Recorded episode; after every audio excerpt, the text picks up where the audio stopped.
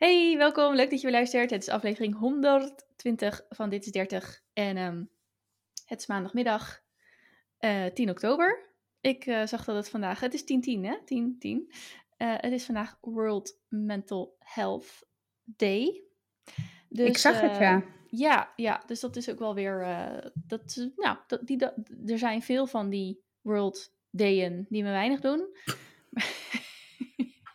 Niet echt een inhaker, zeg maar. Nee, de, de World Kattenbakvulling Day, dat, die slaan we zeg maar met alle liefde en plezier over. Ja, in jouw geval sowieso, want jouw kat heeft Ja. geen kattenbak. nee, mijn kat is zindelijk. Ja, nou, die van mij die had dus laatst weer op de mat gekakt. Oh nee, daar Ja. heb ik echt nachtmerries van. Ja, ja. En Jos ging echt stuk, jongen. Die ging echt, oh.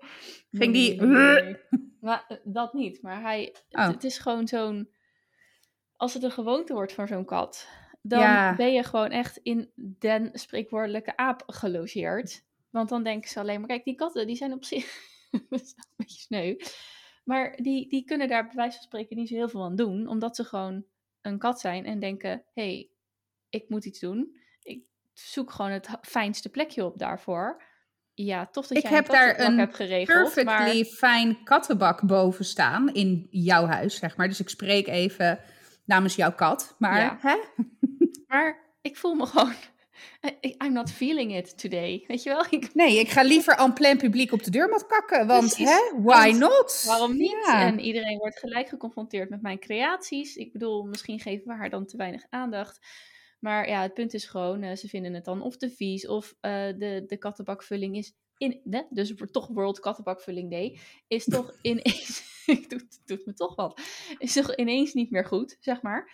Dus ehm, eh, ja, dus dat, dat is meer een teken aan de wand dat je zelf maar iets moet veranderen in de verzorging van je dier. Maar natuurlijk irritant is het wel. Maar goed, het is niet meer voorgekomen. Eh, kattenbak wordt nog extra opgevolgd. Beest gaat naar buiten als ze naar buiten wil. En eh, ik ben benieuwd of het straks echt zeik, zeik, zeikes weer wordt. Of ze dat dan nog steeds doet. Maar goed, toen kregen we de buurvrouw weer langs. Ik heb eindelijk een mooi tuintje en jullie kat zit er tijd in te kakken. Ja, oké. Nou, dus nu elke keer als ze zeg maar de tuin uitgaat naar rechts, dan krijgt ze van ons een glas water op haar hoofd. Dus je moet naar links, naar zeg maar het openbare kakgedeelte. Ja, echt, echt, dit is, je neemt dan een kat, hè? En jij hebt ook een kat genomen in zo'n tijd dat je op jezelf woont en denkt, leuk, nu wil ik een kat. Ja, ja, ik had andere motivaties. Oké, Maar nou, oh ja, je had muizen. Dat ik had, het, nou, ik niet eens, de buurvrouw. Ja, voor mij was het gewoon een heel praktische oplossing voor een Oké. heel praktisch probleem. Ik bedoel, ik vond het ook gezellig hoor, een kat, want ik was dol op haar, ben nog steeds dol op haar. Maar Ja. de, de ingeving was zeg maar meer, oh, no fucking way, dat ik hier muizen in mijn huis krijg. Maar goed, je- ja, want muizen Laat ik vooral- kut. Nou, ik vind ze buiten echt meer dan prima. Dan doet het me niks, maar niet, nee, niet in mijn huis. Nee, daar trek ik toch wel de grens. Ja. maar ik zie jou Ja. bijvoorbeeld dan weer niet, kijk dat vies en zo en irritant en dingen opeten, maar ik zie jou niet per se op een stoel gillend springen als je muis ziet. Nee, wel? nee, dat niet. Nee, dat nee, dat heb ik ook niet. Nee. Nee, want Kika heeft ze ook wel eens nog levend naar binnen gebracht, zeg maar. en Oh, dat we ja. dan als twee idioten achter zo'n muis aan zitten te jagen om dat beest weer... naar- En dan zit Kika ook zo prins heerlijk ernaast van... Watch me, my humans. I have brought you the ultimate enjoyment. Ja, snack. En Ja, want dan denk ik, joh, had dan even dat nekje doorgebeten, weet je? Ja, Oh, maar eh, dat, dat, dat is het ook. Want eh, nou, nu doet ze het niet meer, maar soms kwam Stella hier ook. Maar dan ging ze ook heel snel dat beest naar binnen schrokken. Oh, dan, want dan kwam Oh, ze zo met... Ja, Ja. dan kwam ze met... En Stella is niet zo'n hele grote kat. En zo'n muis is ook niet groot, maar toch even groot. Even lang in ieder geval. En dan met zo'n staart erachter. Maar in ieder geval, het lijfje is gewoon even lang als haar hoofd. Wat voor... Oh, als haar hoofd. Ik zat al... Ik dacht dat je ging richting haar lijf. Ik denk, dat zijn geen muizen, dat zijn muskusratten. Maar oké. Die krijgt ze niet eens te klein is ze. Die krijgt ze gewoon niet. Dat, dat, dat kan ze niet eens meeslepen. Maar... Ja, ik heb een ehm, anaconda ook wel eens een antilopen naar binnen Ja. zien Ja, kanen. dus kijk. ja. Dat is het dus. Als Stella zo'n muis verorbert, dan ziet het er ongeveer zo uit. Zoals een, een, een, een slang zo'n buffel naar binnen werkt. Want het Ja. is echt zo... Dat gaat, nou ja, Oh, het, is, gadverdamme. het is echt een ziek gezicht gewoon. Ja. Dus dat, eh, maar, dus, maar goed, haar eh, hunting, eh, hunting days, hunting wou ik zeggen, hunting days zijn ongeveer over. Maar dat, is dus ook, dat is dus, kan dus ook een probleem zijn hè, met die kattenbak. Dat ze dan ouder worden, artrose krijgen. En dan voelt dat niet fijn of ze kunnen die stap niet meer goed maken. En het, het lullige is dat je vrij weinig aan ze merkt. En ze, eh, als ze artrose krijgen, dan is het niet dat ze gelijk helemaal kreupel lopen of zo. Dat zal uiteindelijk vast wel gebeuren. Maar ja, het eerste wat ze doen is van ja, ik ga mijn poten niet meer optillen om die kattenbak in te stappen. ik zoek wel een ander plekje. Maar ze gaat Want toch ook ja. gewoon nog naar boven? Ja, ja, maar ja. De traptreden is hoger dan het Ja, van maar- in de kattenbak, toch? Ja, maar het is zeg maar, boven ligt ze dan nog, eh, is dan bijvoorbeeld haar lichtplekje. Dus is dat het waard om zo'n trap op te gaan? Oh, Ja, want daarna ja. kan ik 16 uur eh, liggen snurken in mijn allerfavorietste plekje waar geen kind komt. Dus eh, in dit geval is het, is het het waard of zal ik het gewoon hier op de badmat, of op de badmat, god, op de deurmat Nee, dat is die van mij. Die van mij doet het op de badmat. Oh, maar alleen als we op vakantie zijn. Ja, maar dan is de badmat echt de beste plek. Want A, wassen, B, Zeker. weggooien. Eh, precies, nou vooral de tweede, want het zijn eh, badmatten, I- Ikea-badmatten Ja, van van, die- 2,99 ja, of zo. die- weet ik met veel, met van die bolletjes. Ja. Juist. Die heb ik ook. Die zijn toch lekker zacht hoor. Zeker, die zijn echt perfect en super goedkoop en prima kattenkak eh, afvoermateriaal. Dus, eh, Ja. Maar goed, we begonnen deze podcast met de World Mental Health Day. We hebben, inmiddels zijn we uitgeweid over badmatjes en kattenkak. Dus hè? Ja, inderdaad. Ehm, dus ja, nou goed. World Mental, World Mental Health Day. En we hebben natuurlijk eh, eh, Sanne wel eens in de, mm, eh, niet jouw zuster, andere Sanne hebben wij in de podcast gehad over P- PTSS, wou ik zeggen. Dat ben ik zelf. Maar postpartum, de, ja, postpartum depressie natuurlijk. Oh ja, PP, ja, ja, ja. Maar goed, veel mensen kennen het als postnatale depressie. Dus super, super interessante aflevering. En echt heel open en kwetsbaar. Eh, en ze wist er ook echt zo rustig. En nou ja, goed, wij, zaten toen met z'n drieën live. En we waren echt allebei gewauwd en onder de indruk ook van haar verhaal. En wat ik daar nog het meest uit heb meegenomen, en ook voor mijn eigen PTSS-verhaal, is dat het eigenlijk nooit overgaat. Het is onderdeel van jouzelf op een gegeven moment. Het is niet meer dat je meer teruggaat naar degene die je was voordat het eh, zich voordeed. Althans, dat is haar ehm ervaring, theorie. En nou ja, toen ze dat zei, toen klikte er bij mij inderdaad ook wel een aantal dingetjes. Van, eh, ehm, ben- ik ooit zonder PTSS? Is dat, is dat wel iets wat, wat realistisch is en wat bestaat? En ehm, nog steeds op mijn eh, bucketlist staat dat ik een podcast over PTSS wil maken. Dus ehm, goed, als ik voldoende schepen met miljoenen heb binnengehaald, dan neem ik een half jaar eh, vrij en dan ga ik een podcast over PTSS maken. En natuurlijk echt een knijtergoede podcast met story editing en alles. Dus ja, World Mental Health Day. Dus voor iedereen die dit, eh, die dit aangaat en ehm, die hier eh, eh, re- resonantie mee voelt. ehm, ja, fijne World Mental Health Day zou ik willen zeggen. Maar verder ehm, is het 10 oktober, maandag. Het is herfstig en ik heb het gewoon koud de hele tijd.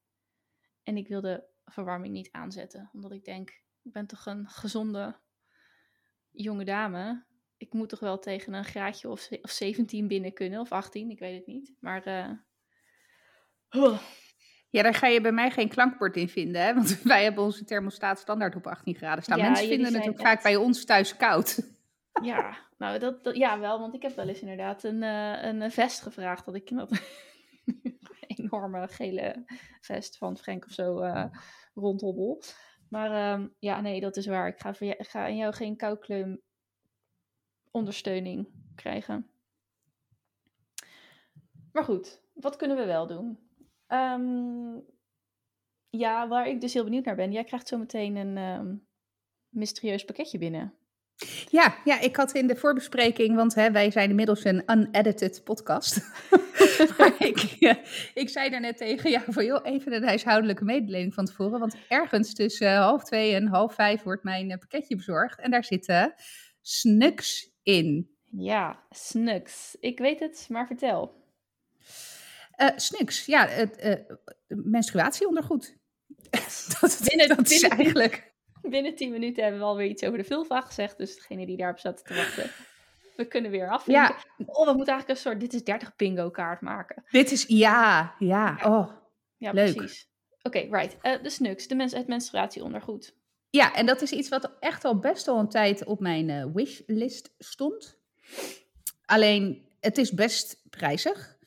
Dus dat is ook iets wat me. Nou, sowieso voordat ik die ingreep had gehad, was het nou unheard of hè, onmogelijk. Unthinkable. Ja. het unthinkable, dank je. Uh, maar goed, inmiddels is dat ook alweer anderhalf jaar geleden. Dus uh, sindsdien heb ik dat echt wel een tijdje op mijn, uh, op mijn wenslijstje staan. Ik heb menstruatiecup een tijd gebruikt.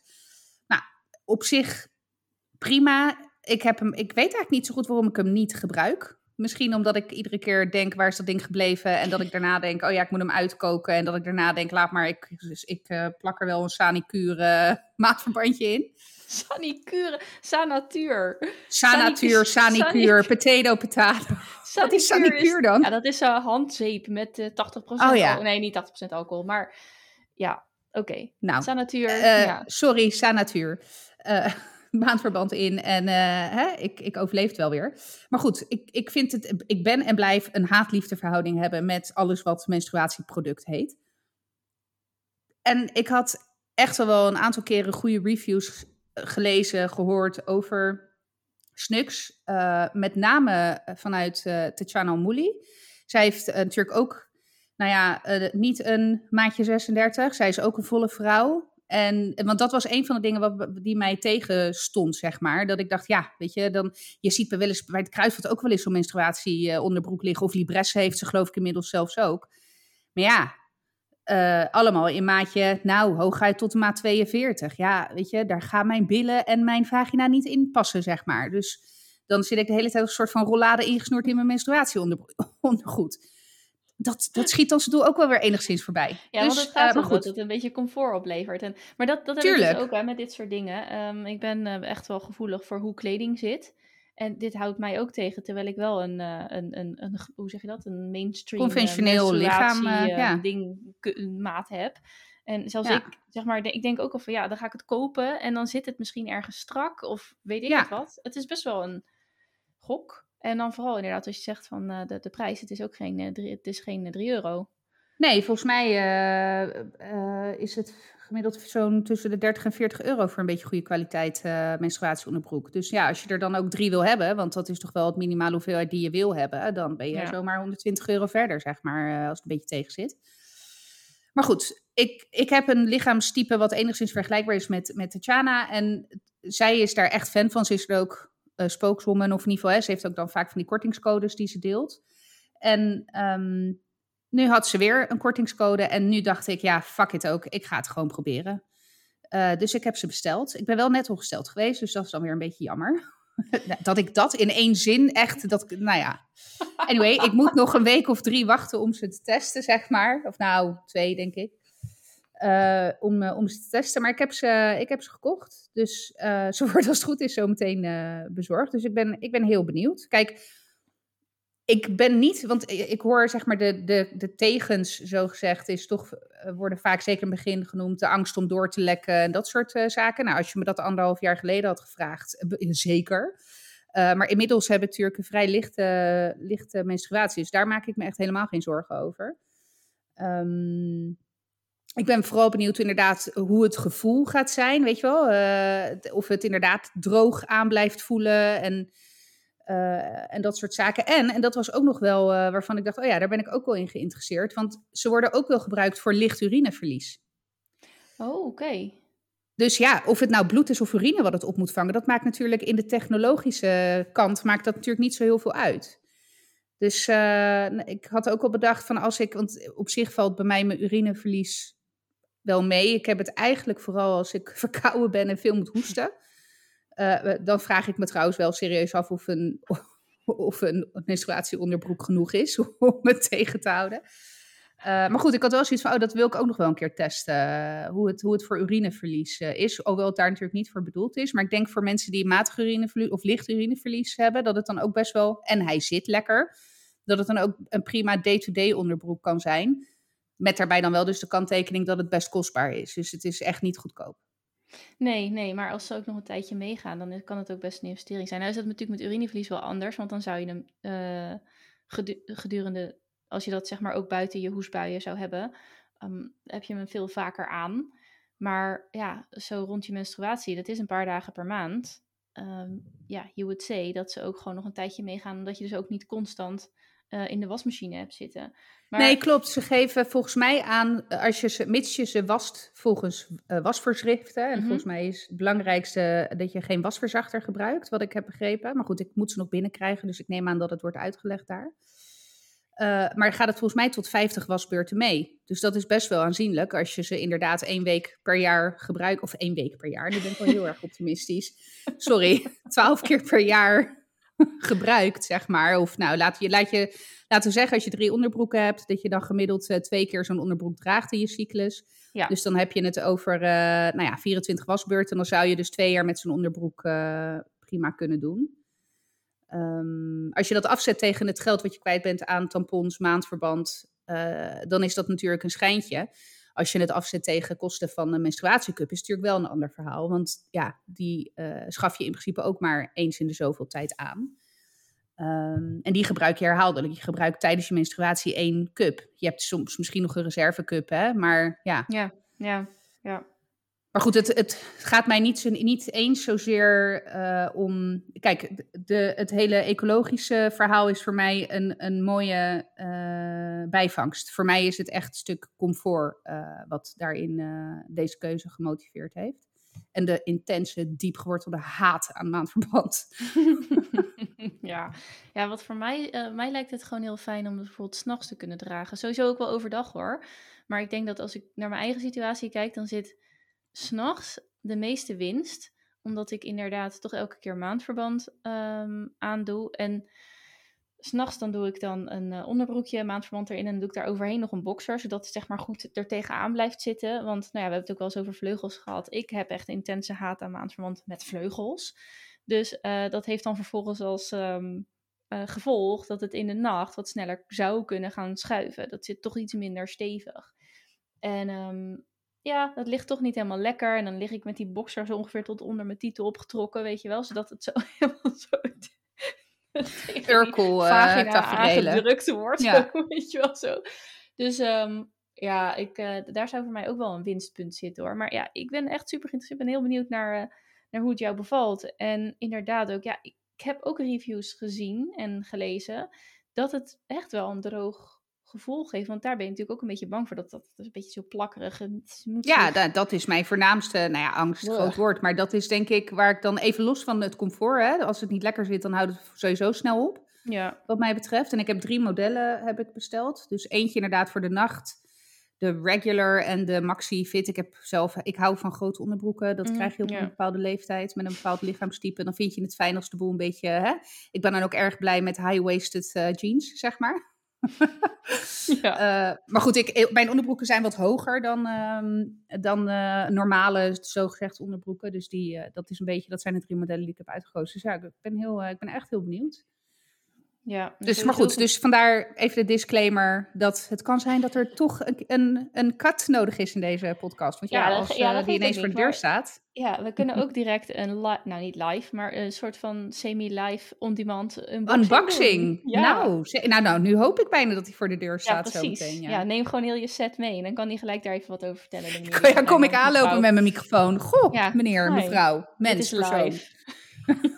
We zijn live in de uitzending bij Dit Ja. is 30. Ja, en dat hij dan echt, wat? Oké, weirdo. Ga je eigen ding doen. Um, ik kan nog wat zeggen, maar ik weet niet meer. Dat gebeurt me echt zo vaak tegenwoordig. Ik ben Ja? echt een... eh, ja, ik heb echt wel... ehm, ja, ik zei, ik zei tegen, van het weekend nog tegen iemand mombrain. Maar ik denk dat het gewoon een aftakeling is. Maar eh, nee, ja, het is, het is alsof het er niet meer in past in mijn hoofd. Dus er gaat zoveel rond in mijn hoofd nog steeds. Ik slaap wel beter, maar soms passen dingen gewoon er niet meer in. En dan valt het eruit. Of het wordt misschien op het stukje niet levensbedreigend, dus niet urgent gezet. Ja, dan vergeet ik dat. gewoon. Rechtsonder in de matrix, hoppa, weg ermee. Precies, ja, niet belangrijk, niet urgent.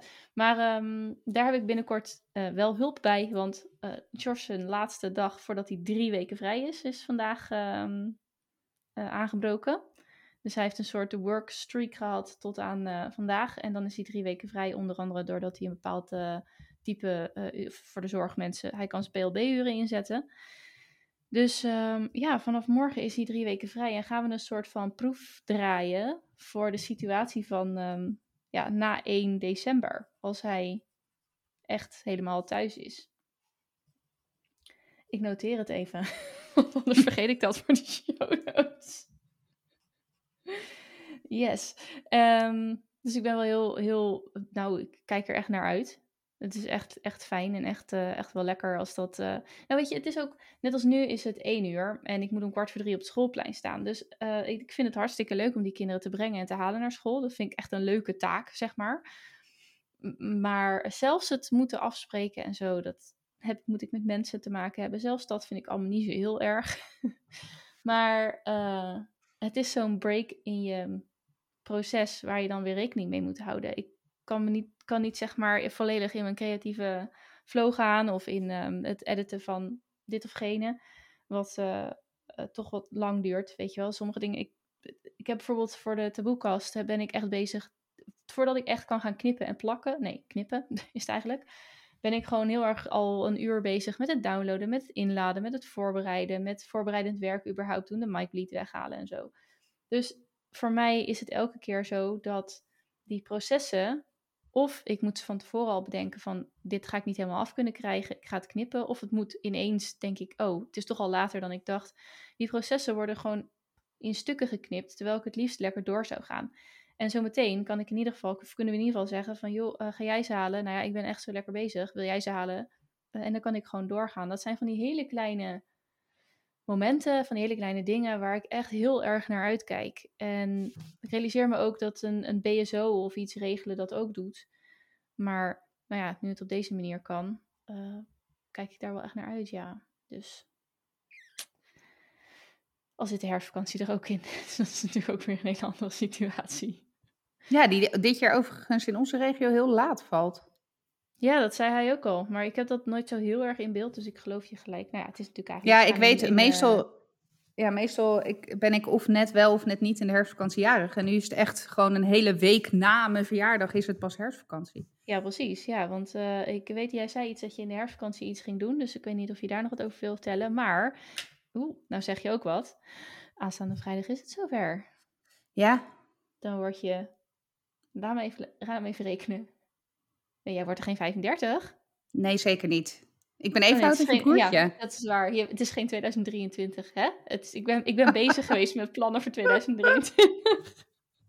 2022 is voor mij al voorbij. Kom uit 88. Beste bouwjaar ever. Nee hoor, dat is gewoon 85. Maar uh, die discussie uh, gaan we toch nooit uitkomen. Maar jij wordt 34. Vind je daar ja. iets van? Zeker niet. Oh, beter. Ga je nee, nee ik heb echt ik heb. Um, ik vier het overigens echt niet. En dat, dan krijg je. Dat is wel grappig hoor, want ik, ik vraag het ook altijd mensen. Oh, vier je het niet? En nu ben ik zelf degene ontvanger van dat soort, soort van snurky opmerkingen. Dat ik denk. Nee. Why the fuck do you care even? Weet je, we, ja, maar je kan toch ook los afspreken? Ja, maar dan heb je niet een verjaardag nodig om bij me langs te komen. Weet je, in principe kan je altijd langskomen als je dat wil. Maar goed, ik vier het verder niet. Ik ben ook zelfs dit jaar aan het werk. Want normaal gesproken zijn we altijd vrij op elkaars verjaardagen. Dat, dat regelen we eigenlijk altijd uh, uh, in onze agenda's. Maar ik moet het allerleukste doen wat er is in mijn werk op mijn verjaardag. En dat is ah. training geven. Dus, uh, ik, ja, dus ik ben er niet eens op mijn verjaardag. Althans overdag niet. en nee, ik vind niks van mijn verjaardag. Ik vind ouder worden eigenlijk wel een zegening. Ik vind het even los van hè, hoe ouder je wordt. En hè, gewoon dat soort semi-grappige opmerkingen van hè, dat je om ouder te worden moet je veeljarig zijn en dat soort uh, geneuzel. Maar ik vind de rust die het met zich meebrengt en uh, de zelfreflectie en de lessen, en dat klinkt heel erg uh, oma verteld, maar nou, inderdaad. Ja, ik, maar het is wel, ik vind het echt een zegening. Ik vind het echt een zegening. Ik geniet ook echt van het ouder worden. Ik geniet van het feit dat mijn kinderen steeds ouder worden, zelfstandiger. En dat, dat ik moet zeggen, dat is wel bittersweet. He, je, je zal ze toch ook altijd wel ergens nog diep van binnen verlangen naar de tijd dat ze klein en hulpbehoevend waren. maar ik geniet ook echt, echt heel erg van de zelfredzaamheid die, uh, die dat met zich meebrengt. En de vrijheid die je dan langzaamaan terugkrijgt. Dus uh, nee, ik heb echt geen enkele moeite met ouder worden. Ik, uh, ik vind het een, uh, een feestje om ouder te worden. Nou, fijn. Ja, nee, ik, heb ja. Zelf, ik heb trouwens ook nog, ik heb zelfs uh, voor mezelf nog een notitie gemaakt. Ik ging vanmorgen kijken op school in de klas bij Louis, dus dat is groep 1, 2. En um, ehm, ik kwam toen thuis en ineens dacht ik, oh, het, weet je, hij zit dus nu in groep 1, 2 en hij is nog wel een, ja, je, ze zeggen het niet zo, maar zo zie ik het wel. Hij is een groep 1er, zeg maar. Mhm. Dus eh, eh, ook nu weer gezien, weet je wel. En dat is heel logisch, want dat, is, dat, is, dat heeft met leeftijd te maken, dat heeft met eh, persoonlijkheid te maken. Er zitten gewoon kinderen in de klas die gewoon alles al zoveel beter meedoen, weten. Die ook echt letterlijk tot aan mijn kin komen, zo ongeveer. Echt, dat liep voorbij en ik dacht echt, oh, wauw, jij bent echt enorm. Maar ehm, eh, iets in mij, en dat, dat, vind, dat bittersweet, dat herken ik, nou ja, nog misschien nog wel meer dan, dan, dan dat jij dat hebt. Dat ik daar echt wel verdriet, echt intens ook verdriet om kan hebben. Al weet ik dat jij dat ook hebt, maar nou goed, vaste luisteraar weet eh, eh, hoe ik daarover ben. Dat ik ook zo'n moment voelde van, oh, dit, eh, dit kleuter, weet je wel, het gekleuter is straks ook weer voorbij. Ik kreeg ineens een gevoel van perspectief. Mhm. En dat is heel eh, ambigu, want ik wil het niet. Maar blijkbaar is het systeem in mij, het moederschapssysteem in, systeem in mij, daar wel mee bezig. En dat vond ik een hele wonderlijke gewaarwording wel. Dat je, dat je eigenlijk rationeel of emotioneel, ja, nee, ja, emotioneel vooral echt denkt van... Ik wil ze zo graag vasthouden. Ik wil dat kleine zo graag vasthouden. Ook dat, dat, dat, dat magische. We hebben het er een paar, een paar keer geleden ook over gehad. Dat Mason wordt bijna acht. En dat herken jij ook wel van, jou, eh, van jouw oudste. Dat dat hele magische, dat gaat er een beetje van af. Geeft Ja. ook wel weer nieuwe... Dat je echt met hem over ja, zaken van de wereld een soort van kan praten. En dat hij verbanden gaat leggen. En dat dat echt heel erg leuk is. Een kind wordt een soort... Ja, hoe, hoe, hoe, wat ook weer ambivalent klinkt, maar hoe pijnlijk dat is, wordt je kind een soort van kleine volwassene, waardoor die op een intellectueler niveau met jou gaat connecten. En dat is echt iets heel moois, heel, iets, iets echt heel tofs, alsof je op dat moment, je kunt op dat moment echt een relatie ontwikkelen op basis van een soort van keuze, terwijl eerst heb je wel een hele fijne relatie moeder-kind, maar is dat ook geboren? Nou, is letterlijk het feit is geboren omdat zij uit jou zijn geboren. Dus het is instinct, het is gevoel, het is emotie, het is omdat ze je nodig hebben. En nu met dit soort gesprekken, en je kunt het natuurlijk ook helemaal verpesten, misschien zo'n eh, zo'n relatie. Maar kun je, ook, kun je ook met je kind op een bepaald intellectueel niveau ja, een relatie gaan opbouwen. Ja, ik vind dat wel echt heel, eh, heel mooi. En tegelijkertijd verliezen ze dan inderdaad dat, eh, dat echte magische. Dus dat, dat, dat wil ik wel. Dat, dat, daar doe je dan je best aan om dat vast te houden. Of om dat niet door je vingers te laten glippen. Of om het in ieder geval up te soken. Zolang ze nog in dat speel. Ja, ik heb dat met het- fantasiewereld kunnen, ze- Ja. kunnen, kunnen vloepen. En nou ja, dat. eh, Ja, ik heb dat met het hele Sinterklaasgate, want ik heb het dus nog steeds niet verteld. Maar ben je het wel echt van Eh, plan nu? Of denk je. Nou ja, ja, ik was over? wel. Nou ja, ik was, ik was het echt van plan. Ook een beetje naar aanleiding van, eh, van eh, jouw verhaal over, over Mason. En hij zit in groep 5, hij wordt 9 in januari. Weet je, het it's time. Maar ergens, als ik hem dan bezig zie met zo'n lobbes speelboek. Helemaal toch ergens nog. Want ik zit hem dan echt te observeren om te kijken of ik iets zie van een blik naar mij. Of een, weet je wel, ook als ik zeg, nou, weet je, ik weet niet of Sinterklaas genoeg geld heeft om dat allemaal, weet je wel, dat soort. eh, of ik dan toch een soort van stilse blik zie van, oh ja, maar mama, stiekem weet ik het of zo, weet je wel. Maar eh, niks, nakkes, nada. En dan denk ik toch ook ergens, oké.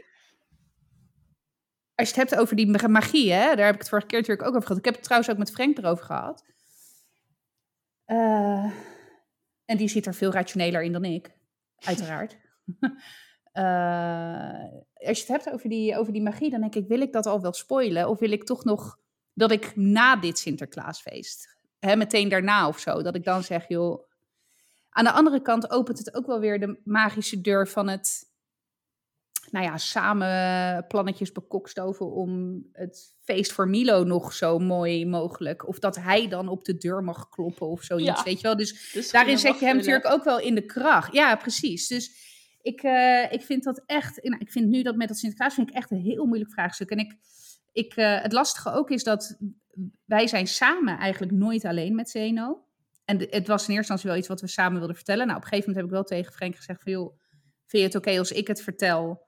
Ehm, want dan, ja, dat is gewoon makkelijker, want die twee die zijn anders altijd samen. Ik bedoel, ze kunnen elkaar Ja. niet lucht of zien, maar toch zijn ze onafscheidelijk. Hè?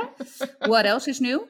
Maar, ehm, en ik was, ik was gisteren dus alleen met Zeno eh, en mijn zusje naar, eh, naar de mineralenbeurs. En ik heb toen ook eh, echt even gedacht, oké, dit is nu een, een hele dag dat ik alleen met hem ben, of dan met mijn zus. Maar in principe zonder, eh, is, is, zal dit dan het moment zijn? Weet je, ik, we zaten op die mineralenbeurs, dus weet je, al om spulletjes die hij wilde hebben, of hè, dingen die voor Milo misschien nog wel leuk waren. Ik dacht, nou, dat is ook misschien een mooi moment om dan het hele stukje cadeautjes dan ook meteen de link te leggen van, oh, zou je dat dan voor, je, voor Sinterklaas willen? Of, ja, en toch, I chickened out.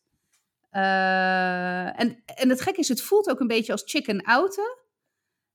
En, en, de vra- en de vraag is ook van, joh, ben ik zelf er wel aan toe om die magie los te laten bij hem? Ja. Snap je wat ik bedoel? Het is, dit gaat echt alle kanten op dit verhaal. Maar ik vind het echt...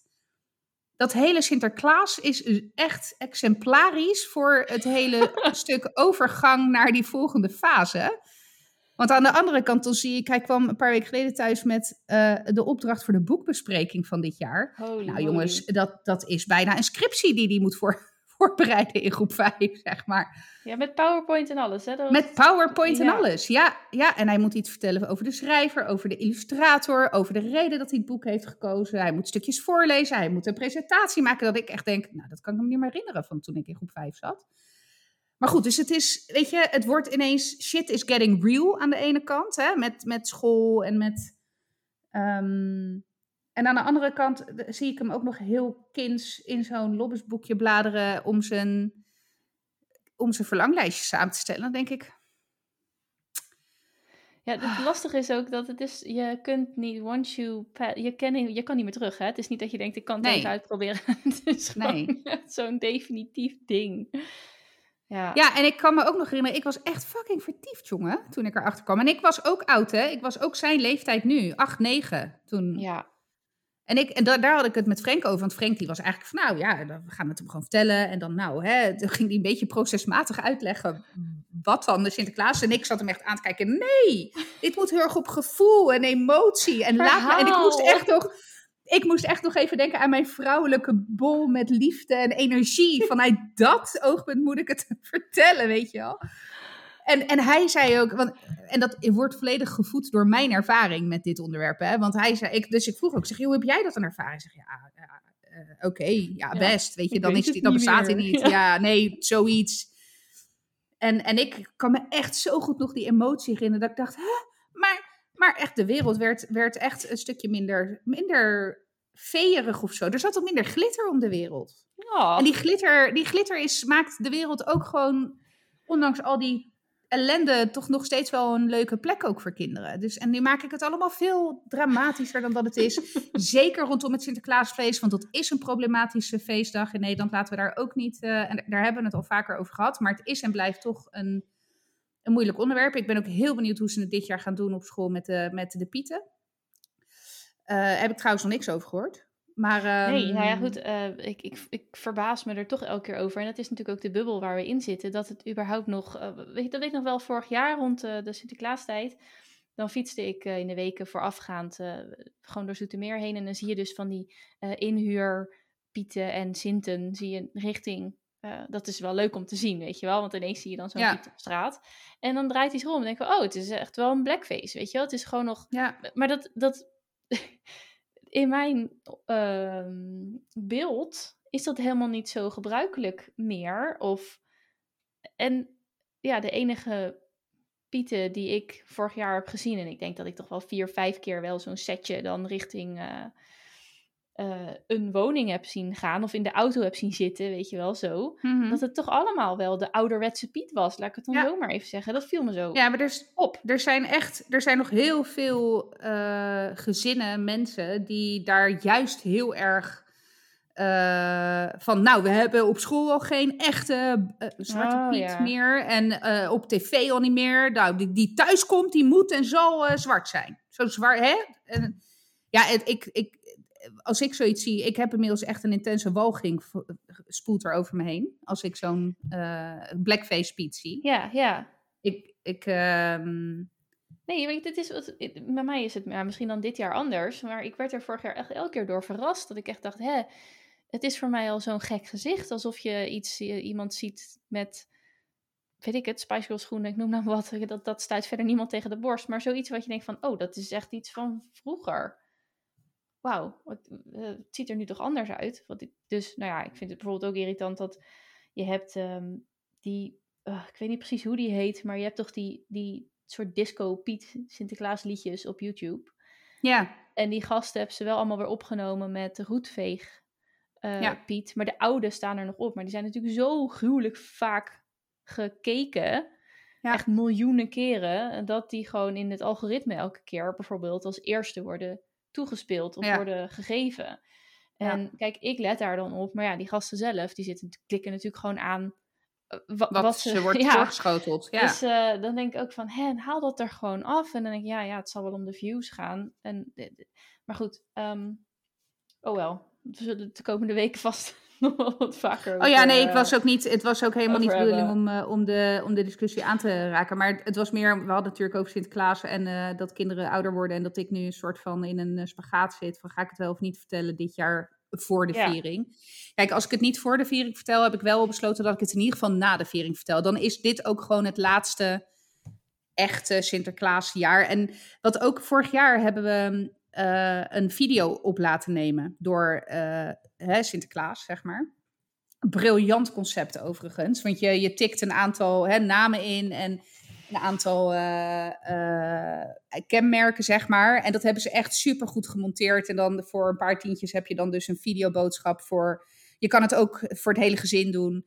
Ehm, dus dat had ik voor het eerst eh, gedaan. Ik werd al een tijdje toen getarget erop. Nou, en, en de kinderen waren echt mesmerized, maar ook een zenuw. Terwijl ik vorig jaar natuurlijk al mijn twijfels had over, ah, hij is bijna acht, dit en dat. Nou, echt aan de buis geplakt, echt. Dus Ja, ergens gun ik hem, maar ook mezelf misschien nog wel een soort van in de wetenschap dat dit dan echt het laatste jaar wordt dat ik nog die magie voor hem kan. Ik word gewoon emotioneel daarvan. Holy shit. Ja. Ehm, Jezus, emotioneel over een Sinterklaasfeest. Maar ehm, eh, dat ik nog het laatste jaar die magie voor hem kan geven of zo.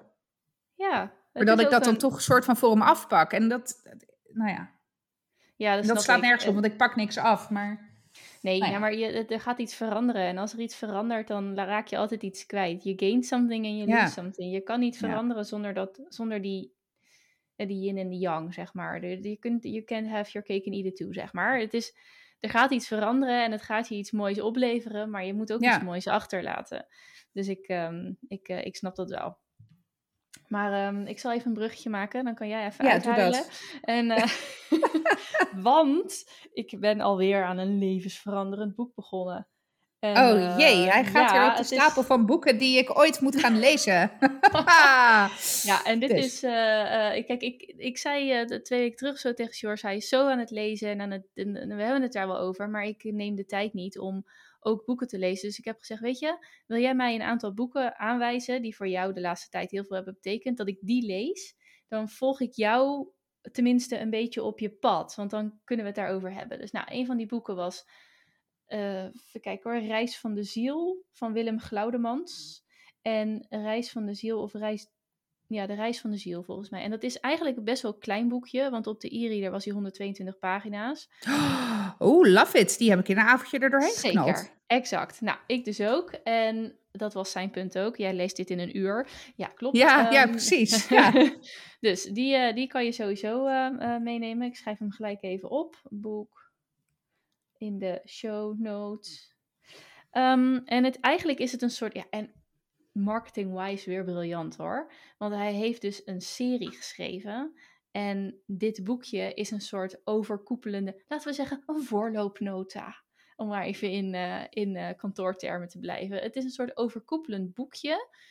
En waar je dus elke, dan kan je dus een, een van die zeven of acht boeken is het. Die kan je dan zeg maar ter verdieping gaan lezen. Dus Mm. op welk punt je aanging. daar eh, past gewoon ook een boek bij. Dus ja, ik vond het Slim. sowieso echt een briljant marketing systeem. Maar goed, Ja. zo'n voorloopboekje, zeg maar, dat zou ook een podcast kunnen zijn. Dus bij deze iedereen die luistert, eh, ik ben echt ook een van mijn business dromen hoor, om met auteurs te werken. Om met auteurs te werken en een companion podcast te maken voor, eh, voor een boek of een boekenserie. Nou, terug even naar Reis van de Ziel door Willem Glaudemans. Het is ja, heel spiritueel, maar wel heel. Het is ook echt goed eh, geredigeerd. Het is echt goed geëdit. Dus het wordt heel actief geschreven. Want dit zou zomaar een heel erg.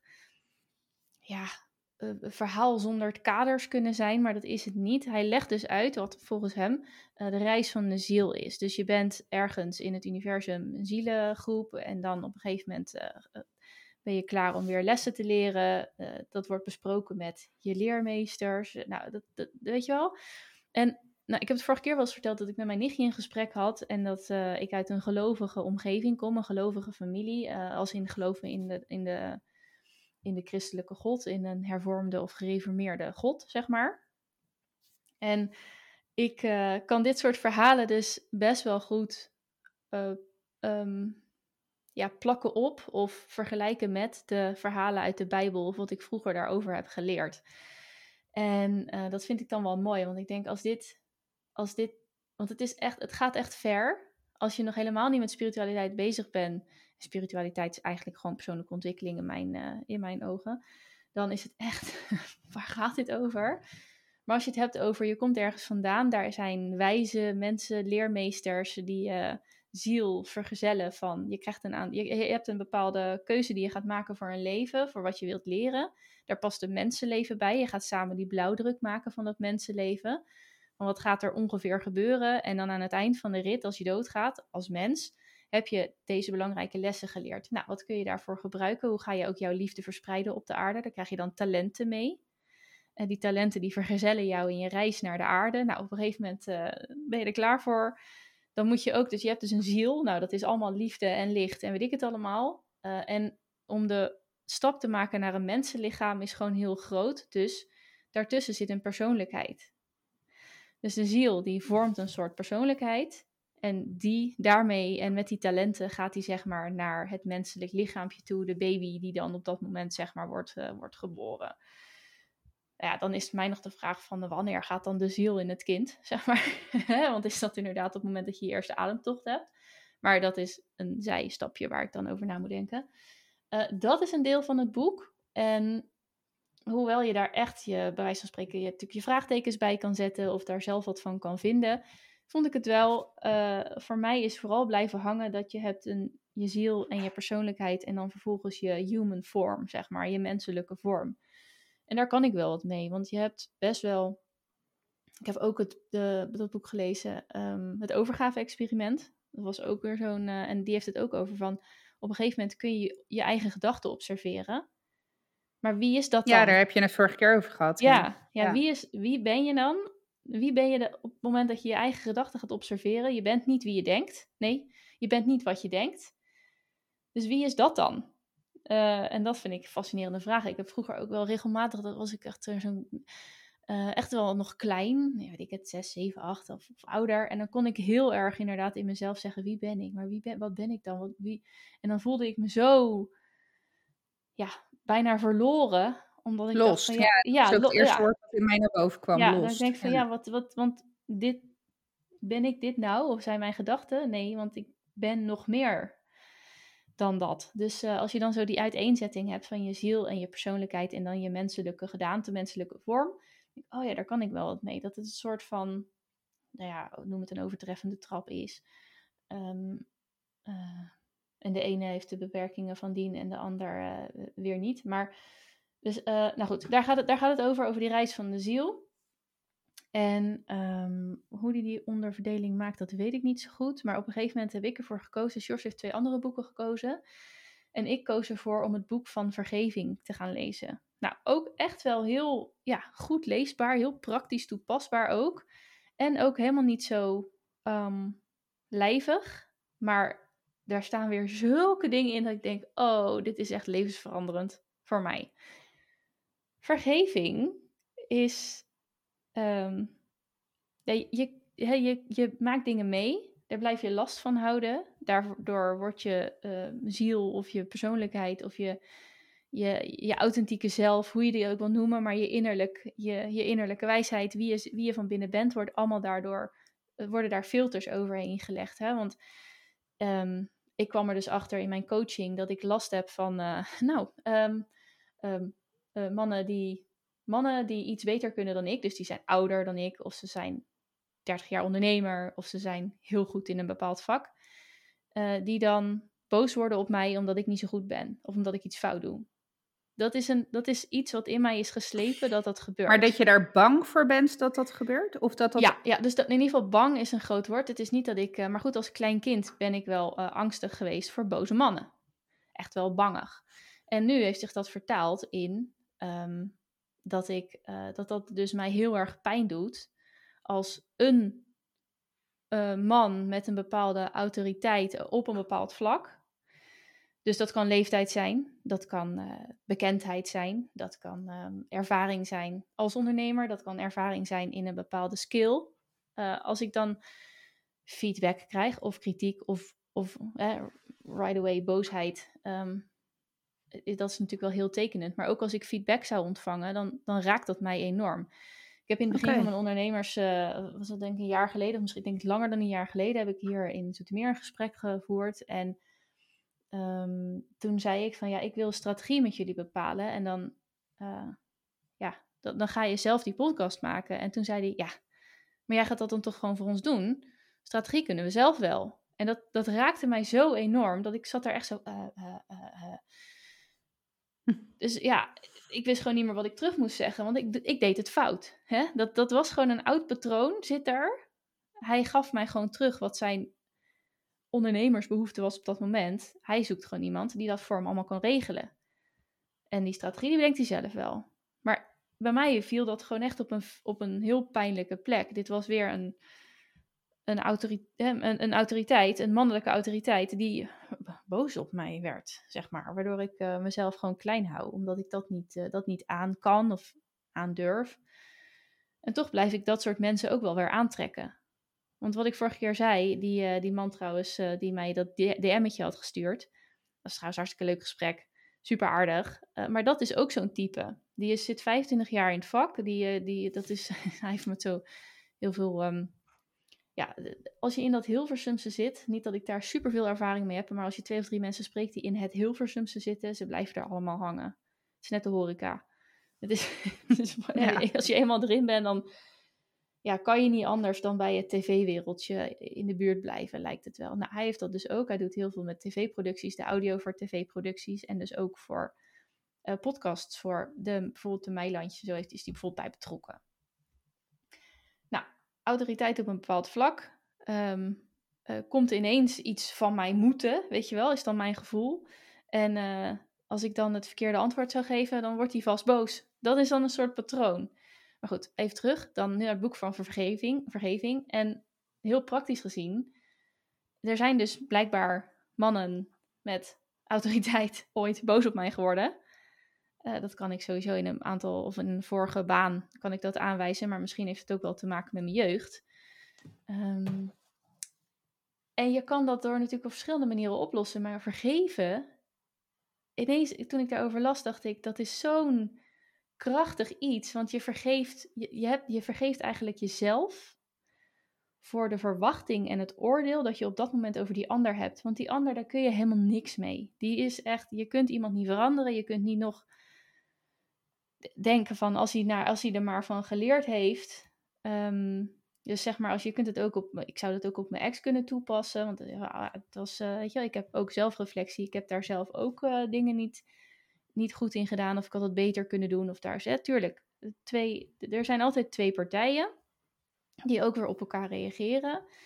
Um, maar ik kan dan denken van, oh ja, ik, ik vergeef jou voor wie je was of wat dan ook. En dat, dat, dat, zo, zo wordt het ook wel gezegd, maar dat is meer een andere volgorde. Want je gaat dus eerst jezelf vergeven over de verwachtingen die je had op dat moment en de oordelen die je had op dat moment, want dat is waar je last van hebt.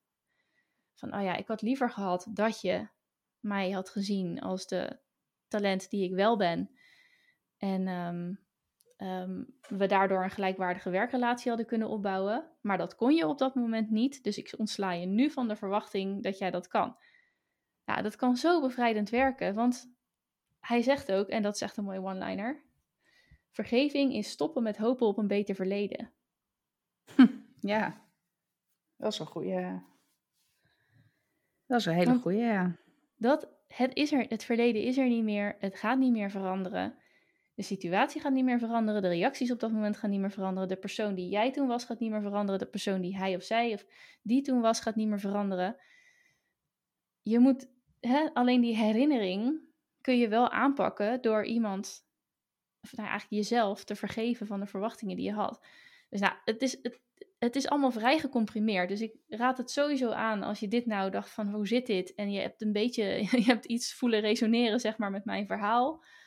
Dan uh, kan ik het zeker aanraden om die boeken uh, er even bij te pakken. En dan vooral met dat vergeving. Um, die, die kan je ook zonder dat, dat overkoepelende boekje lezen. Dus die, uh, ja, dat, dit is echt, dit is voor mij echt een, een, weer zo'n zo'n levensveranderend boek. En een ander, andere ja, one-liner eigenlijk die hij gebruikt is dat Kijk, je kan een emotie uiten. Iets is een uiting van een emotie. En dit heb je misschien wel vaker gehoord, dat iets is altijd uiteindelijk een negatief iets. Woede, jaloezie, whatever. Het komt allemaal neer op angst.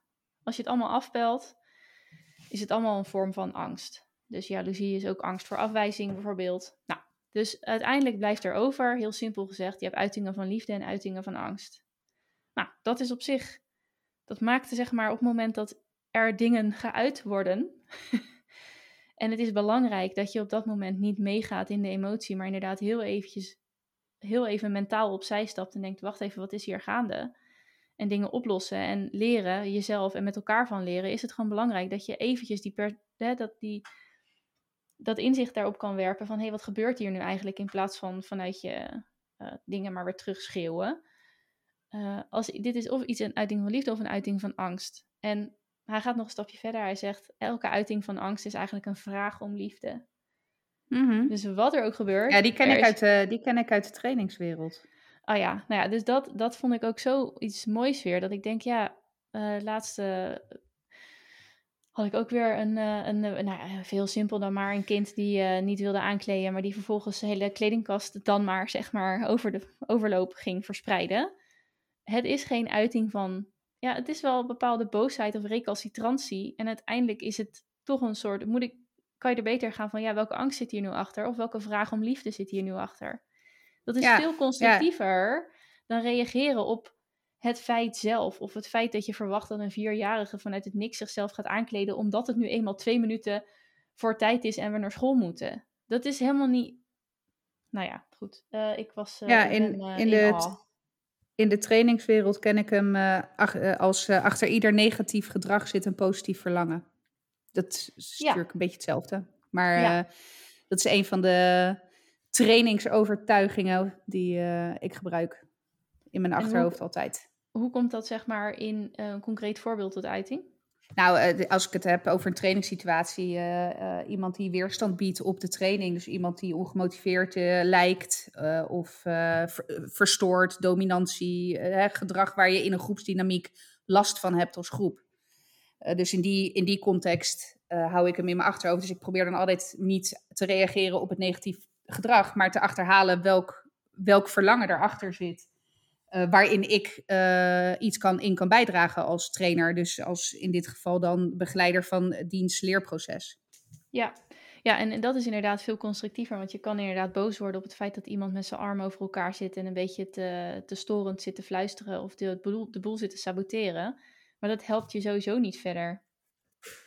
Jongens, ja, sorry, maar we hebben, dus we hebben een live unboxing. Wacht even hoor. Ja. Oké, okay, daar zijn we weer. Ja, een beetje jammer dit. er werd aangebeld, maar niet voor mij. Het is een pakketje oh. voor Frank. Oh, oké. Okay. Ja, ik dacht echt, dus. toen je zei van een beetje jammer dit, dacht ik, het is voor de buren. nee, het is wel voor ons, maar... Uh, Jammer. Helemaal, eh, we zaten zo Ja. eh, ook nog de, en dan werd het bruut verstoord door, eh, ik dacht dus de snuks, dus ik zat echt, oh yes, dit is het universum die wil dat ik dit live ga unboxen. Precies, maar nee. nee. Nee. Je hebt de verkeerde, je hebt blauwdruk voor je. Ja. Oh, dat was dan ook het verhaal, hè? Dat je dan dus met je zielsleermeesters en zo dat blauwdruk gaat vormen. Maar op het moment dat je dan op de aarde komt, dan, ehm, dan ben je het vergeten. dan moet je dus weer opnieuw achterkomen. Wat het precies je- is, ja. En, die- en die talenten die je hebt meegekregen, die moet je ook ontdekken en zo. En, eh, en dan is het nog, eh, nou ja goed, anyway. Het is eh, reuze, reuze interessant allemaal. Ehm, jij zei snuks en toen dacht ik ineens, je had ook nog een ander woord, snus. Ja, snus, dat mij? is best wel een serieus onderwerp. Dus dat, die had ik inderdaad, ik ben blij dat je hem even aanhaakt. Want ik was compleet, nou, verbaasd overrompeld door een nieuwsbericht wat ik eh, vorige week las. Criminelen ronselen schoolkinderen met verslavende snus. Politie vreest voor gevolgen. En toen dacht ik, oké, welke fucking hype heb ik hier nou weer gemist als ouder, als loedermoeder, weet je wel? Ehm, snus, dat zijn eh nicotinezakjes. Eh, of tabakzakjes, zeg maar. Er zit allemaal smaak aan toegevoegd. Dus dat is net alsof je een kauwgompje bewijs van in je mond doet. Maar er zit dus nicotine of tabak in en dus nicotine. En dat doe je dan onder je lip of onder je tong. Of, nou ja, het is een soort van... eh, hoe, hoe wordt het genoemd? Nou, ik moet, moest een beetje denken aan pruimtabak. Dat doe je natuurlijk ook in je, in je Oh mond. ja, Dat doen al ja. die honkballers. Zie je dat altijd op die velden Oeh. spugen. Echt heel ranzig. Maar goed, Ja, het is ook no super offense, slecht voor honkballend. Nederland. Nou ja, precies. Maar goed, dit snus, dat is dus ook verpakt in doosjes met allerlei dieren erop. En het heeft een heel, vind ik, een heel kinderlijk eh, beeld. het- zijn blikjes. Ze, deden me denken aan... eh Zeno had vroeger zo'n blikje met van dat slime erin. Oh ja, ja. Dus zo ziet het aan de buitenkant uit. Overigens is het in Nederland hartstikke illegaal, dit spul. Eh, maar wat, wat er dus schijnt gebeuren, is dat kinderen al in groep 7 en 8 getarget worden door criminelen. Die geven dan dus van die gratis snuszakjes weg. Nou, ja, er zit nicotine in, dus het is teringverslavend. Dus die kinderen willen steeds meer. Ja, dan is het ineens niet meer gratis. Maar dan zeggen die criminelen, prima, dan ga jij maar ronselen voor mij. Weet je wel? Dus, eh, dus dan ga jij het nu doorverkopen. Dus nou, ik echt de nekharen gingen bij me overeind staan. Ehm, dus dat is wel iets waarvan ik denk, hé, hey, nou, als je het hebt er net over het hele gesprek met je kind over Sinterklaas. Dit is dan ineens eh, aan de andere kant van het spectrum. Dat ik Ja. denk, fuck hé, moet ik het nu ineens ook met Zeno gaan hebben over dat hij... Kijk, in de basis weet hij dat hij niks van vreemden aan moet nemen. Maar ik kan me echt voorstellen, als hij buiten op zo'n schoolplein aan het spelen is met, met zijn vriendjes... en hij wordt benaderd met van die kinderlijk leuke blikjes... en dat smaakt misschien ook nog wel, wel lekker naar snoep of zo... Ik kan me zomaar zo voorstellen dat een kind dan in, de, in dat moment daarin wordt meegenomen, weet je wel. Ja, en als Dus ik, ik, ik schrok me echt kapot. Ja, en als ik het goed begrijp, worden ze dus ook uiteindelijk aangesproken door andere kinderen. En ja, nou ja, en dan is het Ja. helemaal het hek van de dam. Want dan is Ja, het want- niet meer een vreemde die je aanspreekt, maar dan is het een klasgenootje die zegt, ga dit eens proberen. Ja, en misschien Ja. nog wel een cool klasgenootje. Er zitten natuurlijk allemaal een soort van peer pressure eh, dingen, sociale ehm, eh, situaties die dan spelen. Sociale, god, hoe noem je dat? Ehm, motivaties. Ja. Het is, ja, en, en als ik het dan heb over, het, alles is een uiting van liefde of een vraag om liefde. Dan denk ik echt, ja, hier ben ik echt nog niet spiritueel ontwikkeld genoeg voor om dit soort mensen in dat spectrum te plaatsen. Van hoe, hoe kan Nee. je dit nou doen? Nou, Maar ik heb nee. en dat, ik heb- Ja, ik heb Nee, het ja, trouwens van de week een keer met George over gehad. Dat hij eh, rookte toen hij 14, 15 was. En toen vroeg ik eigenlijk, ehm, was jij toen al verslaafd? Of was, weet je wel, ja, zegt hij, ja. En ja, ik kreeg ja, herkenbaar. zo'n, Ja. Ja. zo'n... Ik zeg, hoe, hoe vond je dat zelf? Ja, dat, vond- ja dat, daar vond hij niks van. Hij zegt, je vraagt me nu om, je vraagt nu een 15-jarige om ehm, een volwassen gevoel aan de dag te leggen, een reflectie over zijn verslaving. Ik zeg, ja, Ja. oké, nee, dat vraag ik niet aan jouw 15-jarige zelf. Maar ik denk dat als ik dat had gehad als 15-jarige, dat ik wel misschien zo'n, toch op, op zijn op zijn minst een heel ongemakkelijk gevoel had gehad. Dat ik echt zit en denk, ik moet roken. Ik moet, Nee, moet- ik had dat helemaal. Ja, ik, ik kan ook, ik kan wel uit ervaring spreken. Ik was nog jonger. De eerste sigaret die ik ooit heb gerookt, toen was ik tien. Eh, toen was ik overigens nog niet hè, verslaafd. Bij mij is het, nou ja, in de tweede. Dus ik was toen 11, 12. Elf, Ik was natuurlijk ja. heel jong op de, op de middelbare school. Ehm, eh, nee, daar heb ik echt geen seconde bij stilgestaan eh, in mijn eh, puberteit. Het was bij mij meer, hoe hou ik het verborgen voor mijn ouders? Dat was zeg maar de, Ja. main, de grootste zorg en angst die ik had rondom het roken. Ja, ja, hij zei ook van dan was je het weekend een paar keer ontsnapt om die broodnodige sigaret ergens vandaan te halen. En dan kon je eindelijk op school weer maandag. Ja, en dan rookte je jezelf eh, bijna misselijk, omdat het gewoon Ja. weer kon. Ja. Ja, ik- weet je, wel, ik herken dat inderdaad gewoon niet. Kijk, ik herken wel verslavingsgevoeligheid van ik heb echt wel last van een suikerverslaving of zo. Maar dat is toch op de een of andere manier ja, als, ik, als het er niet is, dan is het voor mij niet zichtbaar. En dan word ik daar ook niet op getriggerd. Terwijl nicotineverslaving werkt echt wel anders. Daar kan, er kan nog steeds geen sigaret bij je in de buurt liggen. Maar dat, Ja. dat doet er dan niet toe. Maar ja, ik- maar, Ja, en die zakjes dit. zijn dus, die zakjes die zijn dus al na drie zakjes verslavend. Want ja, je lichaam Ja. die krijgt dan die nicotineboost. En eh, Ja. dat is echt, eh, wordt wel eens gezegd dat dat een sterker effect heeft dan heroïne, zeg maar, op eh, het hele verslavingspatroon, zeg maar, in het hoofd. Of dat waar is, weet ik niet. Maar, ehm, maar ik herken natuurlijk volledig die verslaving. En het venijn hiervan is zo, kijk, vroeger, dat weet ik nog. Eh, en dan rookten mijn ouders zelf, hè, dus die roken het al minder bij mij. Maar Ja. vroeger kon je ruiken aan je kind als hij had gerookt. Dus je, je, je, als je je voelsprieten daarop, dan, dan had je als ouder echt wel door of je kind wel of niet rookte. Hoe goed je het ook dacht te verbergen voor je ouders, hè mam? Maar, eh, eh, maar met, net zoals met dit soort scheidzakjes, ja, je merkt Ja. helemaal niks. Want het Nee. ruikt niet. Het, het, sterker nog, het, weet je, je, je oh, heb je net je tanden gepoetst of zo? Bewijs van, zou Omdat je nog, omdat er dan een menthol smaakt. Ja, Ja. ja. ik, weet, ik weet niet wat voor, het schijnen allerlei smaakjes erin te kunnen proppen. Dus, eh, nou ja, ehm, een gewaarschuwd mens stelt voor twee. Ja. eh, bij deze lieve luisterende ouders, verzorgers. Eh, er, wordt, er wordt dus ook serieus nu ook vanuit eh, ook bijvoorbeeld Jellinek klinieken echt wel opgeroepen van joh, hou dit in de gaten. Want afgezien van het feit dat het hartstikke illegaal is, hè? Het mag Ja, gewoon tuurlijk. niet in Nederland. Ja. Ehm, maar het is wel vrij makkelijk verkrijgbaar. Omdat het in Zweden bijvoorbeeld wel mag. Oh mijn god. Ik Dus als ik ook, als je eh, nu bijvoorbeeld ook googelt snus, dan komt het eerste is een webshop, eh, haal snus uit Zweden. Jezus. Ik denk, oké, ja. Dus snus, Wauw. ja. Ehm, ik wil nog even afsluiten op een positive note. En eh, dat is weer, ik ga weer eventjes eh het woord aan jou geven, want jij bent aan je opleiding begonnen.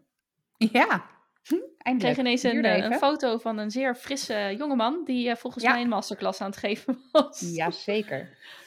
Ja, ik ben vorige week vrijdag en dat was eigenlijk. ehm, ik, ik heb deze opleiding al in juni aangekocht. Ik heb sinds juni, om precies te zijn, niks eraan gedaan. En dat was ook mijn grootste angst, hè, naar eh, het- eh, überhaupt het kopen van deze opleiding. En, en ik weet, ik heb het jou, met jou daar toen ook over gehad. En jij zei toen ook van ja, maar zo'n bedrag is ook voor een stok achter de deur om er wel iets mee te doen. Ja, Nou, blijkbaar ben ik daar dus niet gevoelig voor. Nou, of hij was niet duur genoeg. nou, dit, ik vond 4000 euro best wel een aardige investering. Maar ehm, eh, dat triggert mij gewoon niet. Dat, dat, was wel, dat is wel duidelijk. Ja, ik denk Eh, ook wel, en dan ga ik stoppen met, met er doorheen praten, maar voor, hij is altijd beschikbaar. Het is gewoon Ja, een evergreen ding. Je Ja. stroomt erin, je mag altijd bij de masterclasses aanwezig zijn, dus er is ook geen urgentie of iets. Maar goed, Nee, wie weet dat dat ook dat, niet nee, Anyway, eens. Dat is waar. afgelopen vrijdag. Afgelopen vrijdag. Ik, eh, ik zat natuurlijk al een paar weken niet helemaal lekker erin. Last van mezelf vooral. Van mijn inactiviteit op allerlei fronten. Op afspraken die ik met mezelf maakte en die ik gewoon niet nakwam.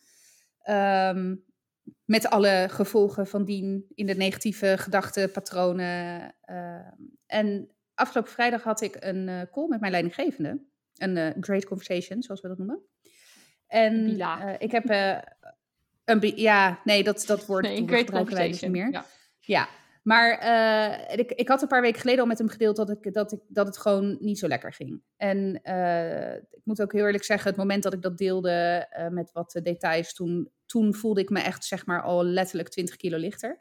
Ehm, maar ik had dus afgelopen vrijdag een soort van opvolgingscall daarop.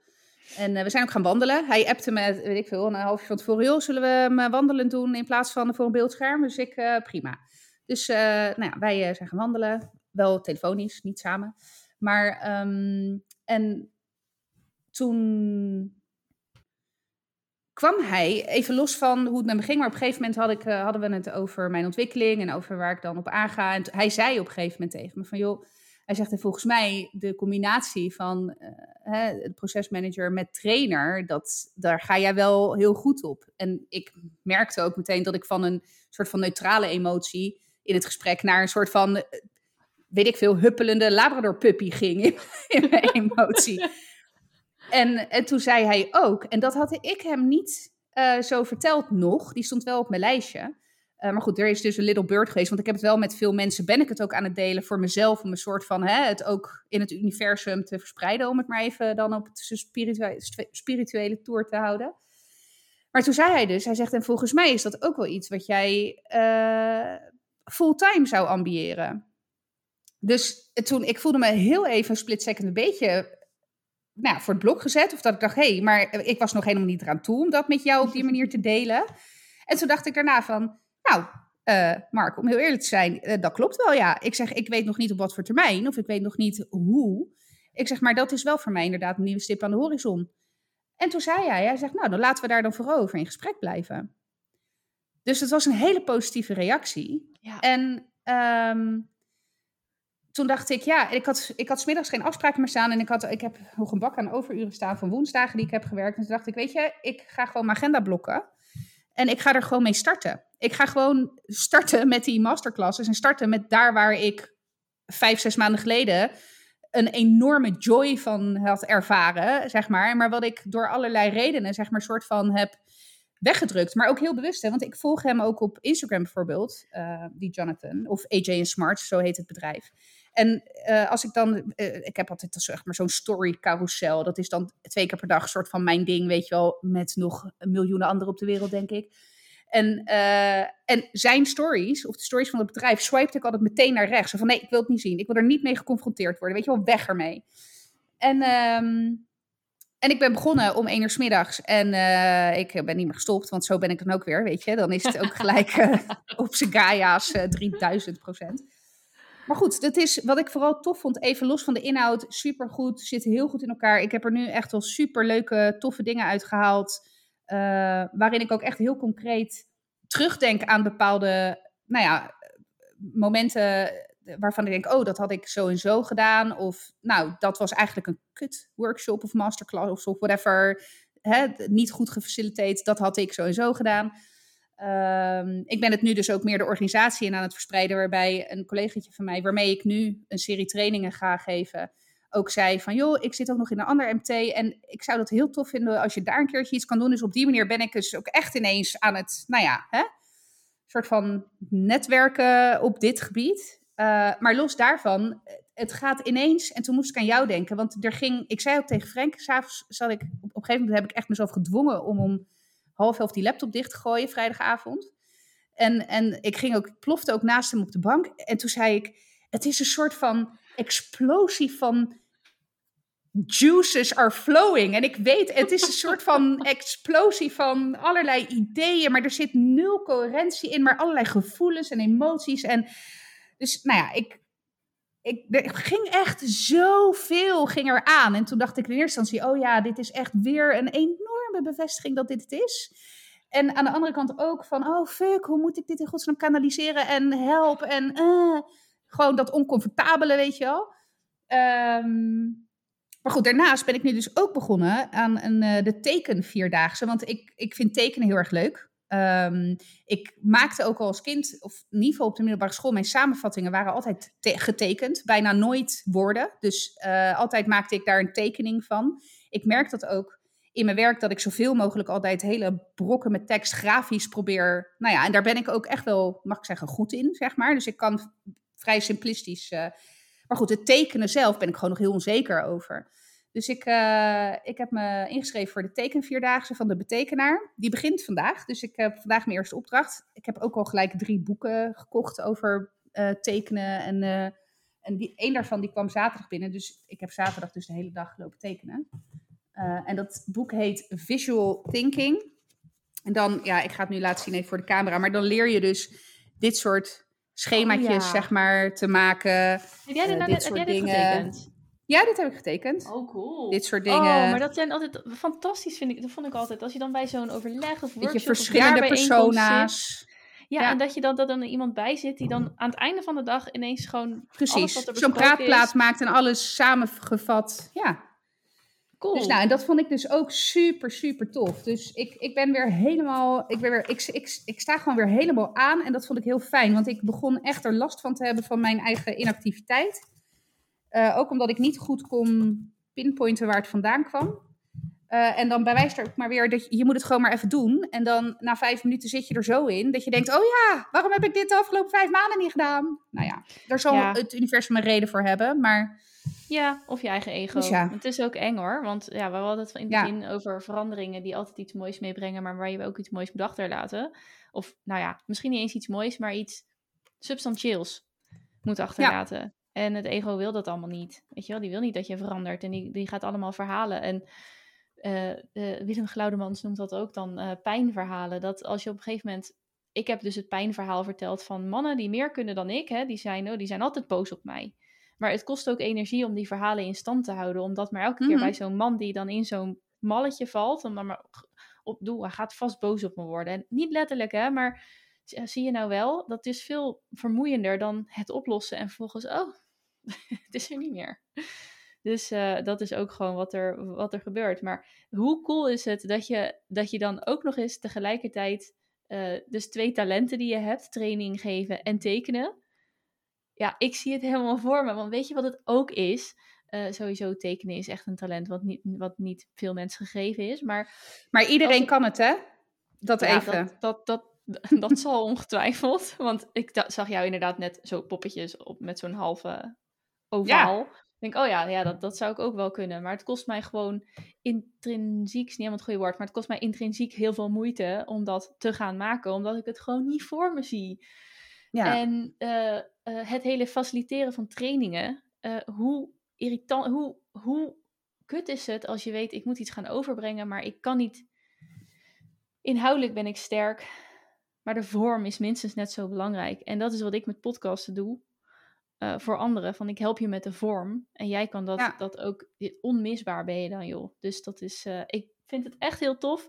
Bij mij gaan het ook meteen zeg maar van afstand ook stromen dat ik ook zo'n Mark en zo'n hele tempo team zie vormen. De waar het gewoon helemaal een soort van, dan sta je weer in dit MT en die zijn daar weer. En mensen zijn gewoon zo blij dat je dit voor ze doet. ja. Dus, Nou ja, eh, ik denk echt dat je daarin van toegevoegde waarde kunt zijn. Dus ik ben helemaal weer eh, in, de, in de Aan. flow. Nou, Ja. lekker. Goed, lekker bezig. Oké, daarmee ga ik hem afsluiten. We hebben een aantal eh, tips gegeven gedurende deze aflevering. Die zal ik in de show notes even samenvoegen. Jij moet me even het linkje sturen van de betekenaar. Ja, ga ik doen. Ehm, Ja, dus dan, eh, dan kun je dat allemaal terugvinden in de show notes. Als je wilt reageren, je kunt ons vinden op Instagram. We zijn te vinden onder dit is 30 podcast. En daar eh, kun je in onze DM'tjes komen om eh, ons een leuk berichtje te sturen als je hierop wilt reageren. Als je iets herkend hebt, als je nog een vraag hebt. Of als je natuurlijk eh, eerder dan volgende week, of nee, dat is niet waar. Ik wou zeggen eerder dan volgende week wilt weten hoe de snuks bevallen. Maar daar moeten we nog eventjes op wachten. Nee, dan moet je nog even wachten, ja. Helaas is Gaia niet ongesteld. En dat is opvallend, want ik word dus aankomende woensdag wel ongesteld, waarschijnlijk. Nee, wij liepen gelijk. Wij liepen gelijk, maar mijn cyclus is aan het veranderen. Ik zeg het al een tijdje, weet je wel, de, Ah, de ja. Post-reproductieve, of late reproductieve fase is een aflevering die echt al een hele tijd geleden is opgenomen. Volgens mij was ik toen 35, dus dat is anderhalf jaar terug. Maar eh, dingen zijn echt aan het rommelen en aan het veranderen hoor. Ik kreeg Ja. echt, eh, echt mijn ijsprong en ik dacht zeg tegen George, hè? Ik was toch in het weekend ongesteld en ik ben echt 29 dagen was mijn cyclus. Dus ik kreeg Ja. hem drie dagen eerder. Dus eh, things are a changing. maar goed, aan de andere kant denk ik, ja, ik weet niet hoe de overgang voor mij zal zijn. Ik heb laatst aan mijn moeder nog gevraagd. Ze zegt, ja, ik weet het niet. ze heeft een spiraal, dus ze zegt, ja, ik weet het niet. ja, daar heb ik ook niks aan. Nee. Maar eh, ja, hoe sneller die eieren op zijn, hoe minder eh, lang ik nog ongesteld ben. Dus eh, ach ja, misschien loop ik een maandje in zo. anyway, ik ga de aflevering afsluiten. Bedankt voor het luisteren, ook als je tot zover bent gekomen. Super lief. En ehm, wij wensen jullie een hele fijne week. En je hoort ons volgende week weer. Doei doeg! Doei! now.